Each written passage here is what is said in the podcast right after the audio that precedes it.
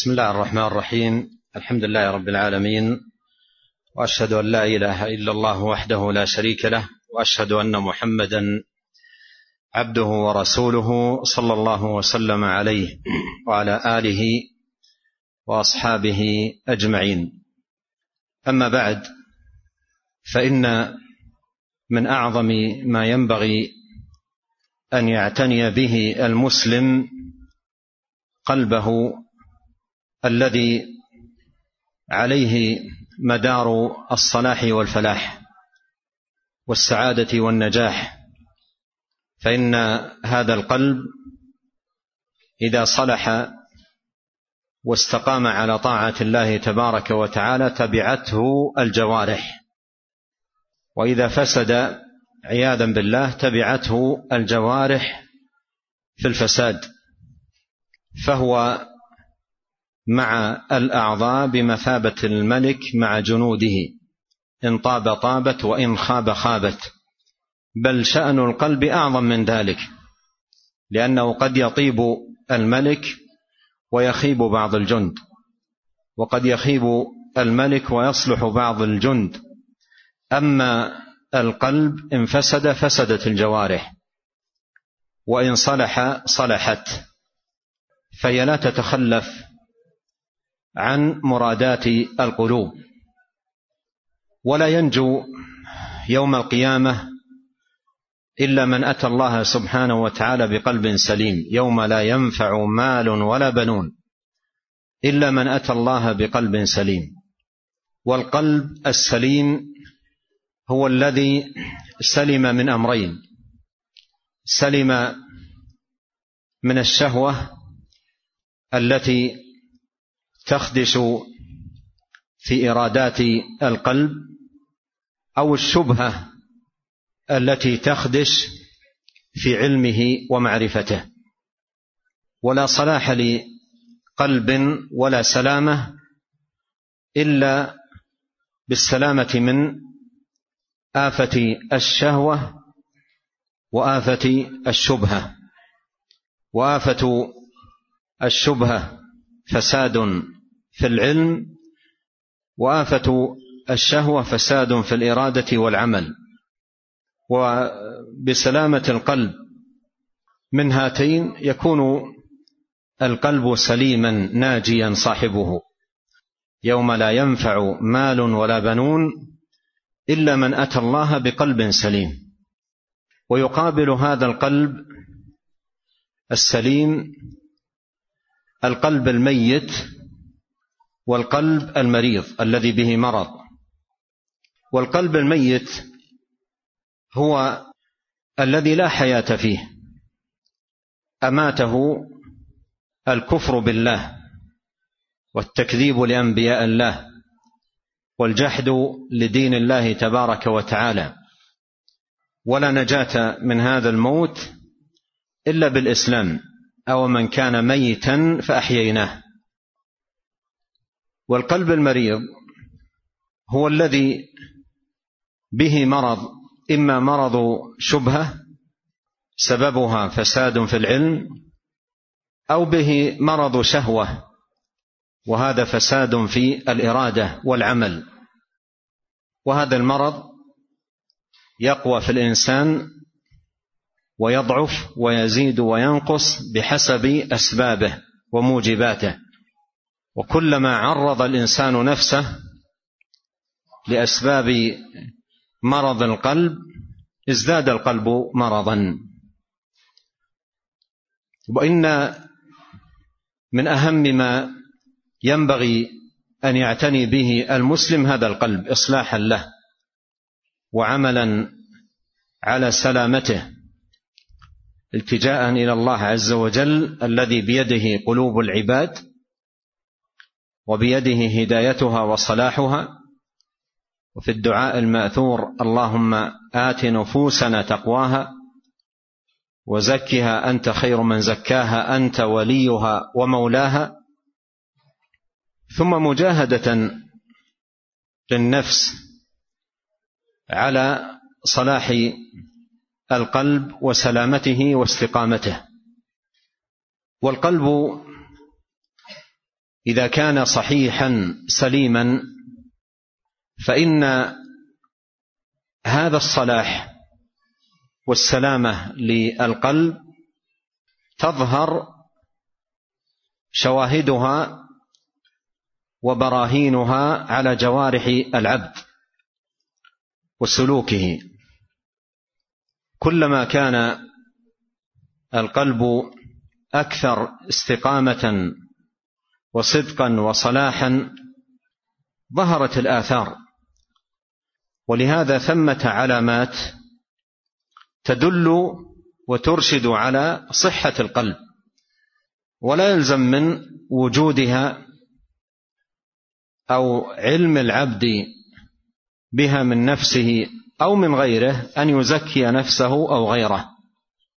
لكنها علامات وشواهد ودلائل على صحة القلب.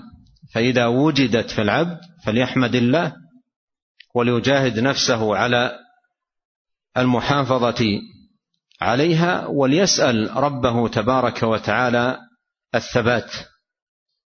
وللإمام العلامة ابن قيم الجوزية رحمه الله تعالى في كتابه إغاثة اللهفان من مصائد الشيطان كلام عظيم جدا عن القلب في أبواب عديدة صدر بها كتابه المشار إليه.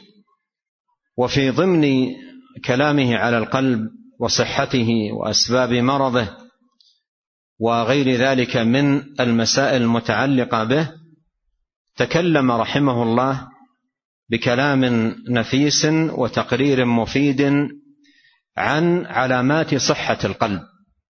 فعدد رحمه الله علامات عظيمة تدل على صحة قلب الإنسان وهي موجودة في كتابه إغاثة اللهفان. ثم إن الشيخ العلامة سليمان بن سحمان رحمه الله تعالى نظم هذه العلامات التي ذكرها ابن القيم رحمه الله تعالى في هذه المنظومة التي بين أيدينا. وقد قال في مقدمته لهذه المنظومة. نعم. قال رحمه الله تعالى الحمد لله الذي هدانا لهذا وما كنا لنهتدي لولا أن هدانا الله. أما بعد فقد اشتملت هذه المنظومة على ستة مشاهد. ذكرها العلامة ابن القيم رحمه الله في إغاثة اللهفان في علامة صحة القلب. وختمت ما ذكره الشيخ بذكر ما عليه أهل السنة والجماعة من الاعتقاد. هذه خلاصة ذكرها رحمه الله تعالى معرفا بمحتويات هذه المنظومة وما اشتملت عليه وأنه بناها على تقرير ابن القيم رحمه الله في كتابه غاثة اللهفان فيما يتعلق بعلامة صحة القلب وأيضا المشاهد الستة العظيمة التي ذكرها رحمه الله تعالى والتي ينبغي للعبد أن يشهدها في عبوديته لله. وسيأتي أن ابن القيم رحمه الله في رسالته المعروفة برسالة ابن القيم لأحد إخوانه تكلم بشيء من آه، التوسع نوعا ما عن هذه المشاهد الستة. وكلها ستأتي معنا في ثنايا هذه المنظومة. وأما الناظم لهذه المنظومة الشيخ بن سحمان رحمه الله تعالى فهو العلامة الشهير صاحب التصانيف والمؤلفات العديدة المفيدة النافعة. ويقال عنه حسان زمانه. لأنه صاحب شعر جيد في نصرة الدين والذب عن سنة النبي الكريم عليه الصلاة والسلام ورد البدع والمحدثات ونقض شبه أهل الضلال والباطل. فكان رحمه الله مجاهدا بعلمه نظما ونثرا وله في ذلك كتب كثيرة. وكانت ولادته رحمه الله في السنة في سنة ألف ومائتين وست وستين من الهجرة. في قرية من القرى القريبة من أبها جنوب المملكة. ونشأ في أحضان والده الشيخ سحمان وكان والده عالما فاضلا حافظا لكتاب الله على حظ على شيء من الحظ والنصيب من العلم والفقه.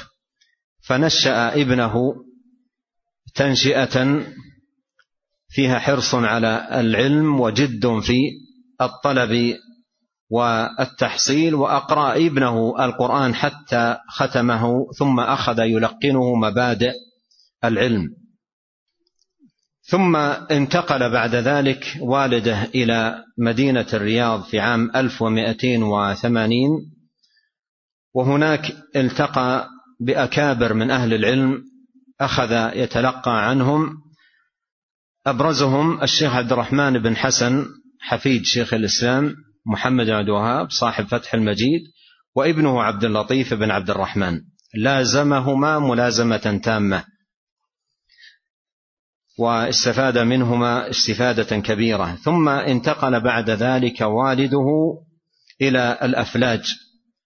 وهناك تتلمذ على الشيخ حمد بن عتيق ولازمه سبع عشرة سنة. له رحمه الله تعالى مؤلفات كثيرة. في نصرة العقيدة والذب عن السنة.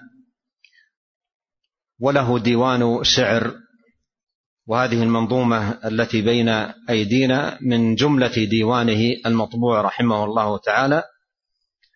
وكانت وفاته عام 1349 للهجرة. هذه نبذة مختصرة عن الناظم ونشرع الآن في مذاكرة هذه المنظومة. الحمد لله رب العالمين والصلاة والسلام على عبد الله ورسوله نبينا محمد وعلى آله وصحبه أجمعين. أما بعد فيقول العلامة سليمان بن سحمان رحمه الله تعالى في منظومته في علامات صحة القلب بسم الله الرحمن الرحيم. بحمد الله نبدأ في المقال وذكر الله في كل الفعال فذكر الله يجلو كل هم عن القلب السليم على التوالي. نعم. بدأ رحمه الله تعالى بالبسملة بسم الله الرحمن الرحيم وهو بدء فيه الاستعانة بالله تبارك وتعالى لأن الباء في بسم الله باء الاستعانة فالبدء بها بدء بالاستعانة بالله والاعتماد عليه في صلاح الأمر وتمامه وحسن الانتفاع به. ثم قال في أول بيت في هذه المنظومة بحمد الله نبدأ في المقال وذكر الله في كل الفعال. فبدأ بالحمد والذكر. بدأ بالحمد حمد الله عز وجل وذكره سبحانه وتعالى. وقد جمع بينهما في الدعاء المأثور في طلب العون الذي علمه النبي صلى الله عليه وسلم معاذا رضي الله عنه. قال لا تدعن دبر كل صلاة أن تقول اللهم أعني على ذكرك وشكرك وحسن عبادتك. فبدأ بحمد الله وذكره سبحانه وتعالى. وذكر الله جل وعلا مستلزم لمعرفته مع معرفته بأسمائه وصفاته ومعرفته بنعمه ومننه وآلائه سبحانه وتعالى. وشكره متضمن لطاعته والذل له والعمل بما يرضي بما يرضيه سبحانه وتعالى. وقد قال الله جل وعلا اعملوا آل داود شكرا. ولهذا الدين مبني على هاتين القاعدتين الذكر والشكر. الذكر فيه المعرفة والشكر فيه العمل بطاعة الله سبحانه وتعالى وما يقرب إليه سبحانه. ومن الآيات التي جمع فيها بين الذكر والشكر قول الله سبحانه وتعالى فاذكروني أذكركم واشكروا لي ولا تكفرون فجمع في هذه الآية سبحانه وتعالى بينهما بين الذكر والشكر. وقوله بحمد الله نبدأ في المقال أي نبدأ مقالنا هذا حامدين لله وحمد الله سبحانه هو الثناء عليه بما هو أهله مع الحب له جل وعلا. والحمد يكون على الأسماء والصفات ويكون على النعم والعطايا والهبات. بحمد الله نبدأ في المقال وذكر الله في كل الفعال. أي ونبدأ بذكر الله في كل الفعال والبسملة مشروع البدء فيها في دخول المسجد وفي الصلاة ودخول المنزل وعند الطعام وأمور كثيرة من فعال العبد يبدأها بالبسملة. يبدأها بالبسملة. وعرفنا أن البسملة استعانة بالله تبارك وتعالى وهي ذكر لله يبدأها ذاكرا لله بالبسملة أو بغير ذلك من الذكر أيضا المأثور عن نبينا صلوات الله وسلامه وبركاته عليه. ثم أتبع ذلك ببيان فائدة عظيمة من فوائد الذكر. فقال فذكر الله يجلو كل هم عن القلب السليم على التوالي.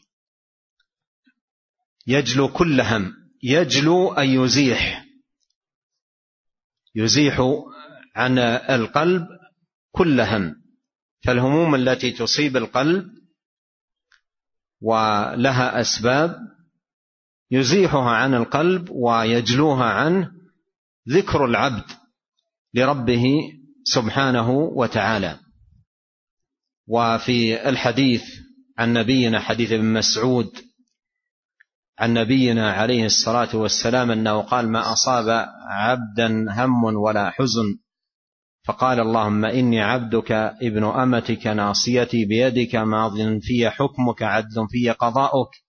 أسألك بكل اسم ولك سميت به نفسك أو أنزلته في كتابك أو علمته أحدا من خلقك أو استأثرت به في علم الغيب عندك أن تجعل القرآن العظيم ربيع قلبي ونور صدري وجلاء حزني أو وجلاء حزني وذهاب همي وغمي إلا أذهب الله حزنه وأبدله فرحا وفي رواية فرجا.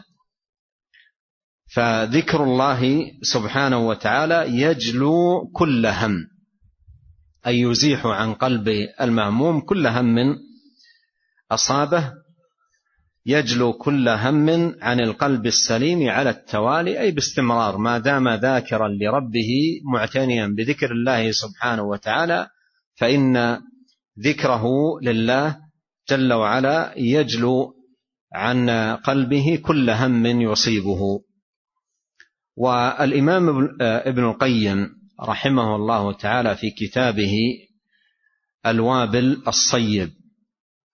عدد فوائد كثيرة للذكر تزيد على السبعين فائدة بعد أن أخبر أن للذكر أكثر من مئة فائدة ثم أخذ يعدد حتى بلغ ما ذكره ما يزيد على السبعين فائدة من فوائد الذكر. ذكر من جملة هذه الفوائد أنه يجلو عن القلب كل هم.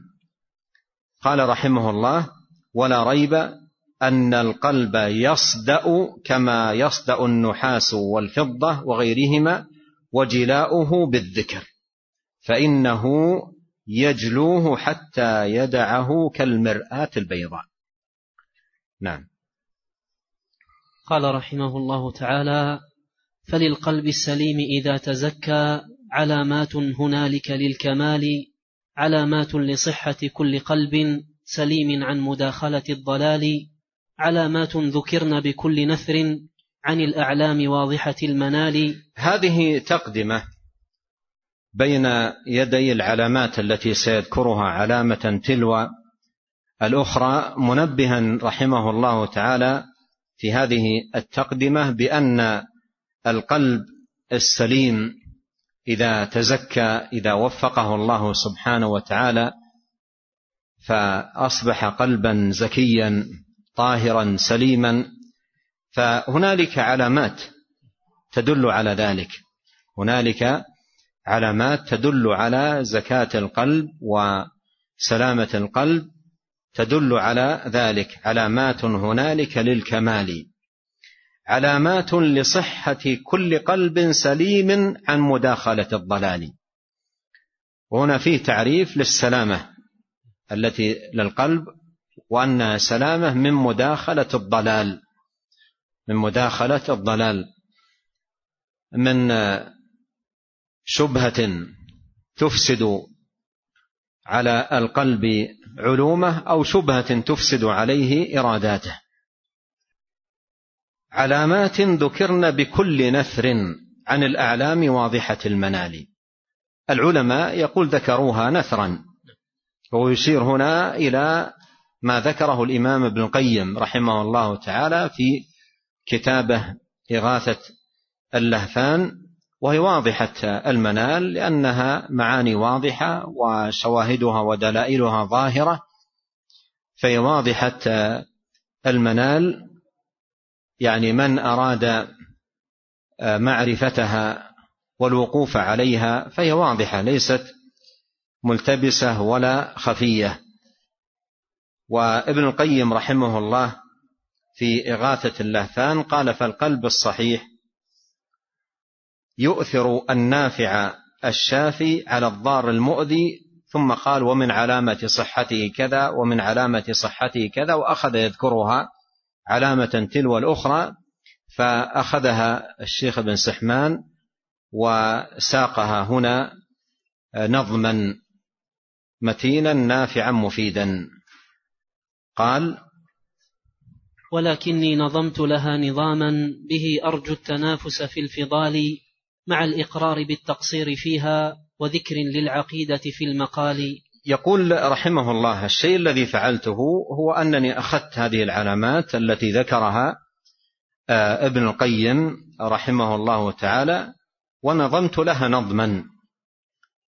ومن المعلوم أن النظم يساعد طالب العلم ولا سيما من عنده مقدرة على حفظ المنظومات يساعده على ضبط العلم.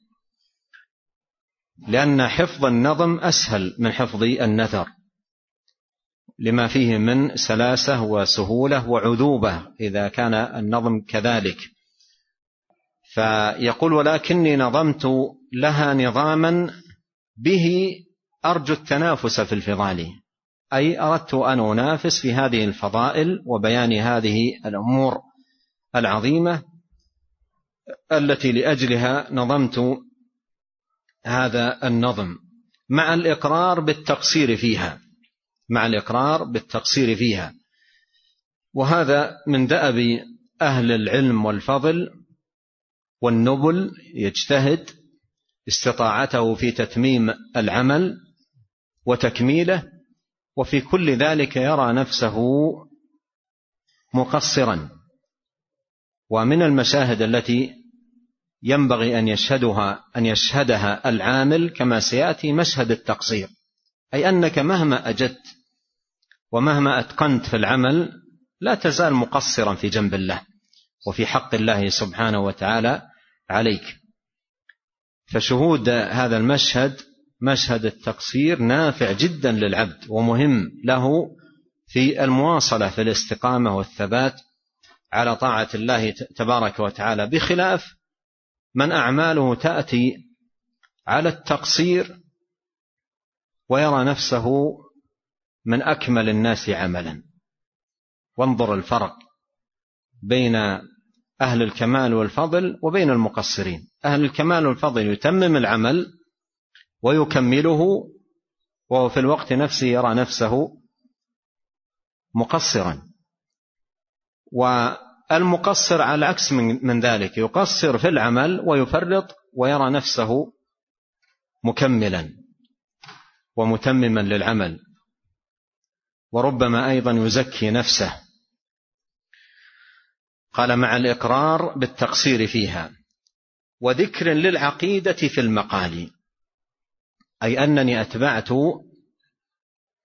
ذكر أتبعت ذكري لهذه العلامات علامات القلب بذكر العقيدة. بذكر العقيدة عقيدة أهل السنة والجماعة المستمدة من كتاب الله وسنة نبيه. صلوات الله وسلامه وبركاته عليه. وهو بذكره لهذه لهذه العقيدة في هذا الموضع ينبه تنبيها عظيم الأهمية. ألا وهو أن سلامة القلب لا يمكن أن تكون إلا بالعقيدة السليمة. ولا يمكن أن يكون القلب سليما إلا إذا سلم المعتقد وصح واستقام. وكان مستمدا من كتاب الله وسنة نبيه صلى الله عليه وسلم. أما مع أما مع فساد المعتقد فإن القلب لا يكون سليما. أي سلامة تكون في قلب قائم على اعتقاد باطل أو اعتقاد فاسد أو اعتقاد مخالف للعقيدة المستمدة من كتاب الله وسنة نبيه صلوات الله وسلامه عليه. اذا ذكره للعقيدة في هذا المقال الذي هو علامات صحة القلب فيه التنبيه على أنه لا يمكن أن يكون القلب سليما إلا مع صحة المعتقد وسلامته. نعم. قال رحمه الله تعالى علامة صحة للقلب ذكر لذي العرش المقدس ذي الجلال وخدمة ربنا في كل حال بلا عجز هنالك أو ملال.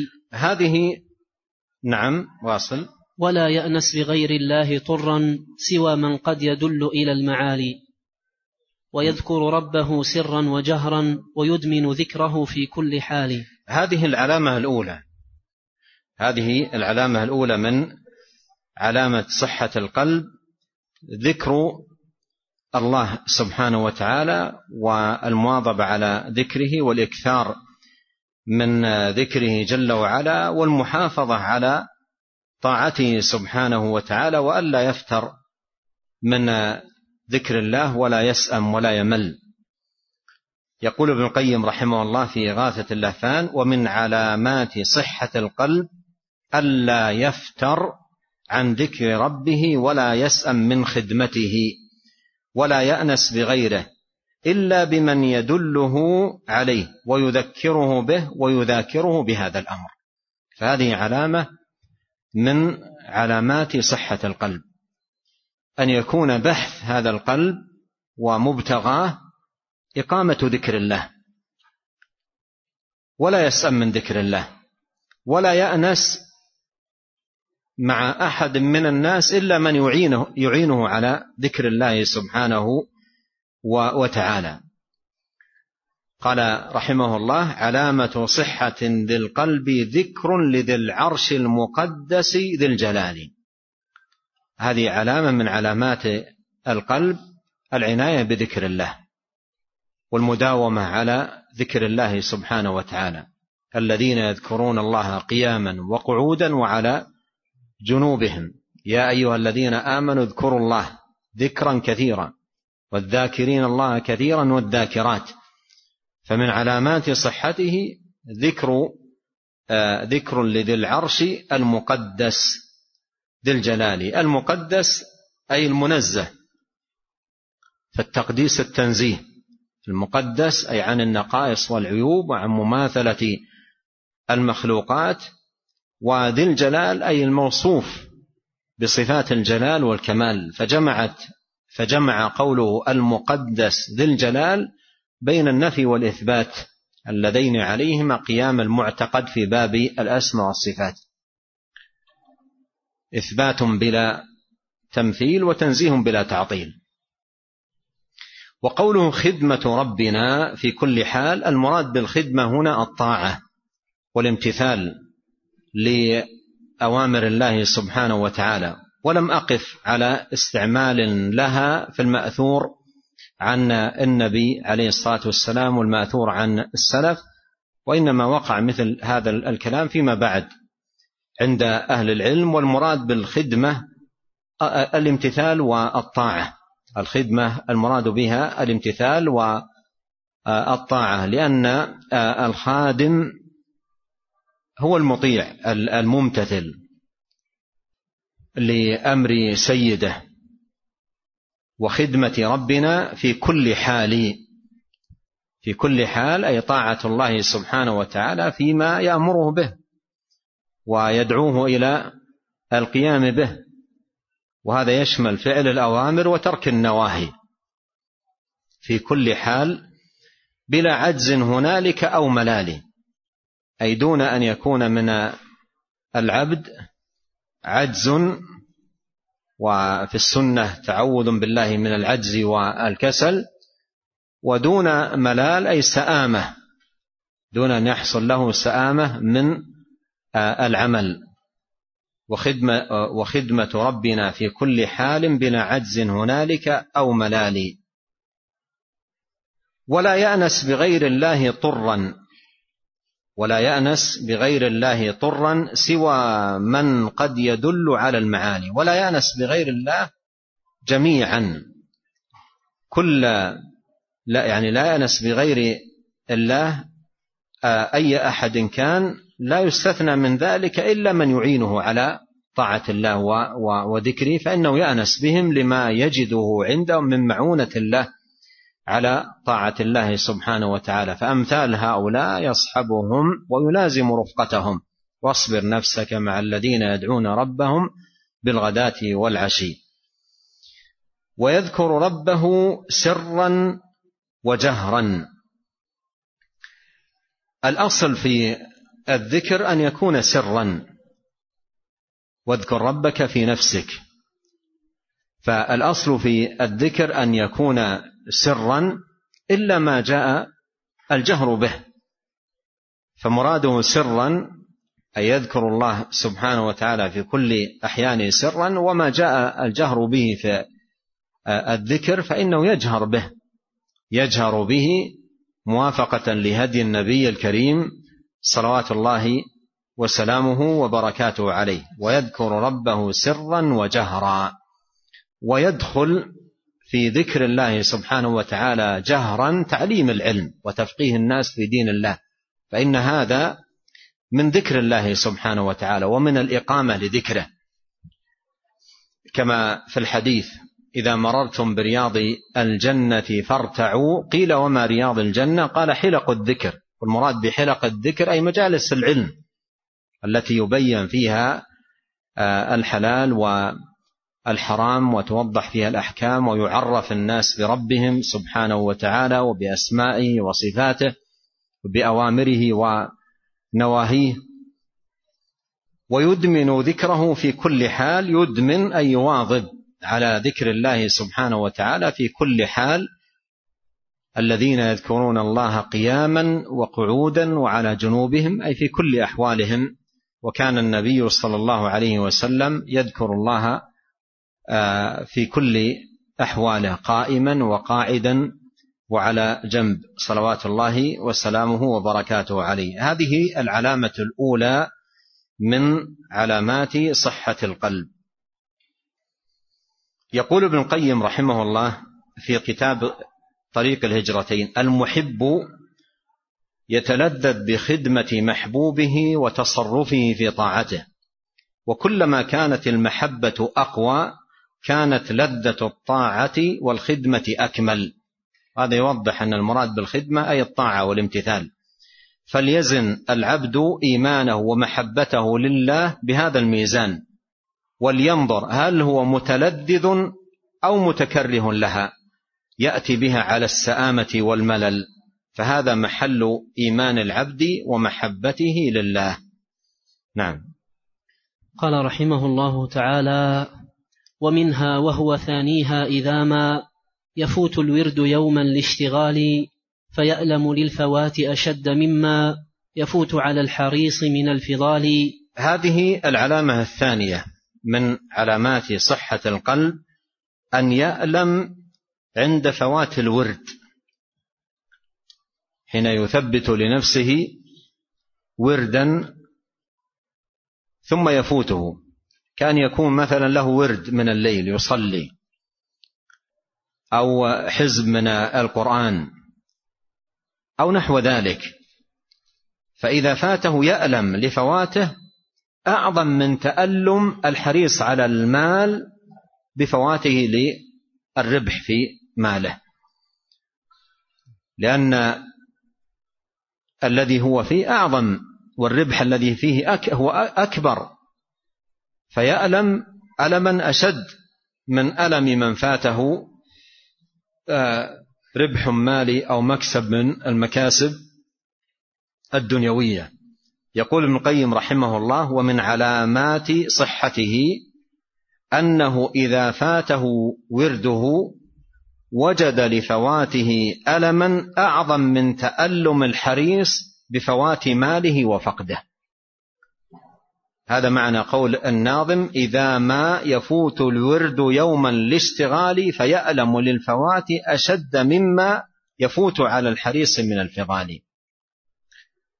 أي أشد مما يفوت على الحريص على تجارة أو ربح معين أو مكسب من المكاسب التي يطمع في تحصيلها يتألم هذا على فوات ورده ألما أعظم من ألم ذاك على فوات تحصيله لذلك الربح. نعم. قال رحمه الله تعالى ومنها شحه بالوقت يمضي ضياعا كالشحيح ببذل مال هذه العلامة الثالثة من علامات صحة الوقت من علامات صحة القلب شح شح صاحبه بالوقت لحرصه الشديد عليه. فشحه بالوقت من أن يضيع وأن يذهب سدى بغير فائدة. لأن جميع المصالح إنما تنشأ من الوقت. فمتى أضاع الإنسان وقته ضاعت مصالحه. فمتى أضاع الإنسان وقته ضاعت مصالحه وما فات من الوقت لا يستدرك. ما فات من وقت الإنسان لا يستدرك. ولهذا جاءت السنة بالحث على اغتنام الوقت. واغتنام أيضا بالأخص وقت الشباب. اغتنم خمسا قبل خمس بدأها بقوله شبابك قبل هرمك. فهذا كله حث على اغتنام الوقت وتحذير من تضييعه. وعلامة المقت تضيع الوقت لأن المصالح لا تتحقق إلا بحفظ الإنسان لوقته ورعايته له وعنايته به. يقول ابن القيم رحمه الله من علامات صحته أن يكون أشح بأن يكون أشح بوقته أن يذهب ضائعا من أشد الناس شحا بماله ومنعا. يكون شحيح بالوقت من أن يضيع في الأمور التي لا فائدة فيها ولا طائل فضلا عن الأمور التي فيها محرمات من غيبة ونميمة وسخرية واستهزاء أو غير ذلك شحيح بوقته. شحا أشد من شح البخيل بماله. شحا أشد من شح البخيل بماله. لأنه إذا لم يكن عنده هذا الشح بوقته من أن يضيع وأن يذهب سدى ضاع عليه وقته. وما ضاع من الوقت لا يمكن أن يستدرك. فمن علامات صحة القلب شحه بالوقت من أن يمضي ضائعا سدى بدون فائدة كالشحيح ببذل المال أي شحا أشد من شح الشحيح ببذل ماله. والشحيح هو البخيل. نعم. قال رحمه الله تعالى وأيضا من علامته اهتمام بهم واحد غير انتحال فيصرف همه لله صرفا ويترك ما سواه من المقال. هذه العلامة الرابعة من علامات صحة القلب. يقول ابن القيم رحمه الله في إغاثة اللهفان ومن علامات صحته أن يكون همه واحدا وأن يكون في الله. أن يكون همه واحدا وأن يكون في الله. والناظم قرر ذلك بقوله وأيضا من علامته أي صحة القلب اهتمام بهم واحد. أن يكون همه هما واحدا بهم واحد غير انتحالي. أي لا يكون آه ذلك مجرد دعوة لأن من السهل على كل أحد أن يقول إن همي هو واحد وهو نيل رضا الله. هذا انتحال إن لم يكن حقيقة قلبه كذلك. فالانتحال سهل والدعاوى إذا لم يقم عليها بينات فأهلها أدعياء فلا يكون ذلك مجرد انتحال بل آه، يكون همه هما واحدا حقيقة وصدقا. من علاماته اهتمام بهم واحد غير انتحالي فيصرف همه لله صرفا ويترك ما سواه من المقال. يجعل همه هما واحدا وهو أن يكون في الله سبحانه وتعالى. وقد جاء في المسند وغيره عن نبينا صلى الله عليه وسلم أنه قال من كان همه الآخرة جمع الله شمله وجعل غناه في قلبه وأتته الدنيا وهي راغمة. نعم. قال رحمه الله تعالى وأيضا من علامته إذا ما دنا وقت الصلاة لذي الجلال وأحرم داخلا فيها بقلب منيب خاضع في كل حال تناءى همه والغم عنه بدنيا تضمحل إلى زوال ووافى راحة وسرور قلب وقرة عينه ونعيم بال ويشتد الخروج عليه منها فيرغب جاهدا في الابتهال. نعم. هذه العلامة الخامسة من علامات صحة القلب. يقول ابن القيم رحمه الله ومن علامات صحته أنه إذا دخل في الصلاة ذهب عنه همه وغمه بالدنيا واشتد عليه خروجه منها وجد فيها راحته ونعيمه وقرة عينه وسرور قلبه.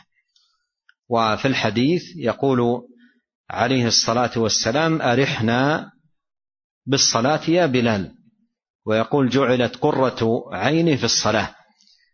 فمن علامات صحة القلب هذه المكانة العظيمة للصلاة تعظيما لها ومعرفة بقدرها وإدراكا لمكانتها ورعاية لها وأنسا بمجيئها ودخول وقتها وحسن إقبال على الله سبحانه وتعالى فيها. يقول رحمه الله من علامته إذا ما دنا وقت الصلاة. لذي الجلال. دنا أي قرب ووقت الصلاة وأقيمت وأحرم داخلا فيها بقلب منيب خاضع في كل حال. أي تكون حاله في دخوله للصلاة هذه الحال قلب منيب خاضع. المنيب هو الراجع إلى الله سبحانه وتعالى المقبل على طاعته ونيل رضاه. وخاضع أي ذليل منكسر بين يدي الله سبحانه وتعالى خاشع له سبحانه في صلاته خشوعا يجمع بين خشوع القلب والجوارح. وأحرم داخلا فيها بقلب منيب خاضع في كل حال تناءى همه والغم عنه بدنيا تضمحل إلى زوال أي في دخوله للصلاة أمور الدنيا وشواغلها وهمومها وغمومها كلها تنزاح عنه ويكون مقبلا على صلاته وصلته بربه تبارك وتعالى وأنسه بعبادة ربه ومولاه مطمئنا خاشعا تناءى همه والغم عنه بدنيا تضمحل إلى زوال ووافى أي وجد راحة وسرور قلب وقرة عينه ونعيم بال أي يجد هذه الأشياء في الصلاة. فرق بين من يصلي وهو يجد هذه المعاني في صلاته وبين من يصلي وكأنه واقف على جمر متململ ينتظر متى تنقضي هذه الصلاة ومتى يخلص منها. ولسان حاله أرحنا من الصلاة وليس أرحنا بالصلاة. فرق بين هذا وذاك بين مصل متململ متضجر حتى إن بعضهم إذا أطال الإمام شيئا قليلا في صلاته نظر في ساعته. نظر في ساعته متململا متضجرا ففرق بين من يصلي وهو يوافي في صلاته الراحة وسرور القلب وقرة العين ونعيم البال وبين من يصلي وهو قلق ومتضجر ويريد الراحة والخلاص من هذه الصلاة.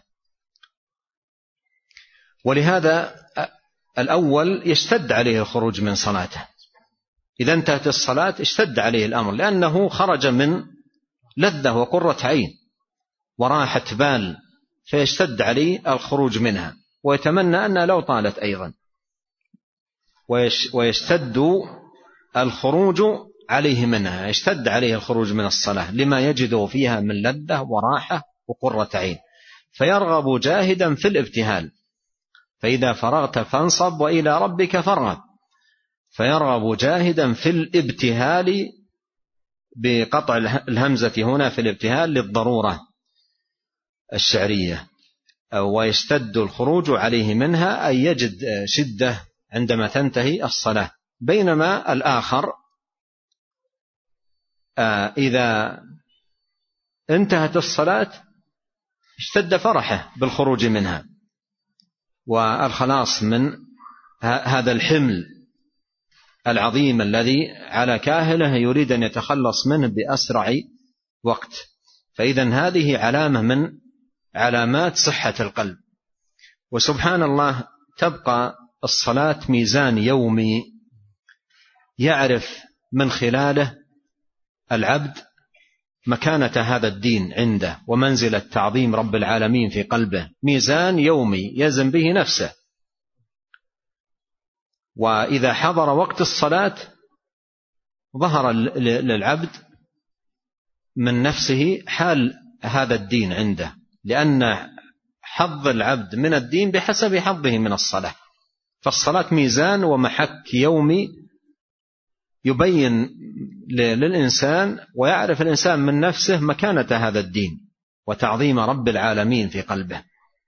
فهذه علامة عظيمة جدا تتكرر في اليوم خمس مرات في هذه الصلوات الخمس المفروضة صلاة الفجر والظهر والعصر والمغرب والعشاء.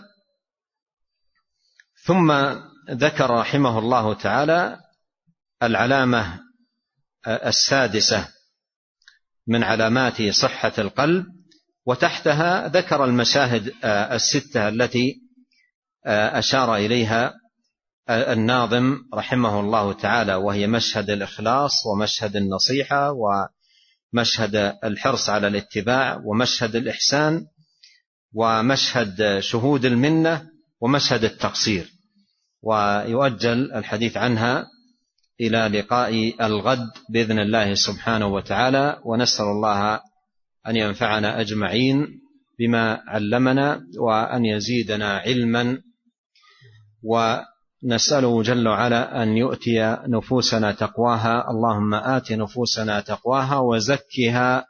أنت خير من زكاها. أنت وليها ومولاها. اللهم اغفر لنا ولوالدينا وللمسلمين والمسلمات والمؤمنين والمؤمنات الأحياء منهم والأموات. اللهم اقسم لنا من خشيتك ما يحول بيننا وبين معاصيك. ومن طاعتك ما تبلغنا به جنتك ومن اليقين ما تهون به علينا مصائب الدنيا. اللهم متعنا بأسماعنا وأبصارنا وقوتنا ما أحييتنا واجعله الوارث منا واجعل ثأرنا على من ظلمنا وانصرنا على من عادانا. ولا تجعل مصيبتنا في ديننا ولا تجعل الدنيا أكبر همنا ولا مبلغ علمنا ولا تسلط علينا من لا يرحمنا. إنك سميع الدعاء وأنت أهل الرجاء وأنت حسبنا ونعم الوكيل وصلى الله وسلم على عبده ورسوله نبينا محمد وآله وصحبه أجمعين. جزاكم الله خيرا.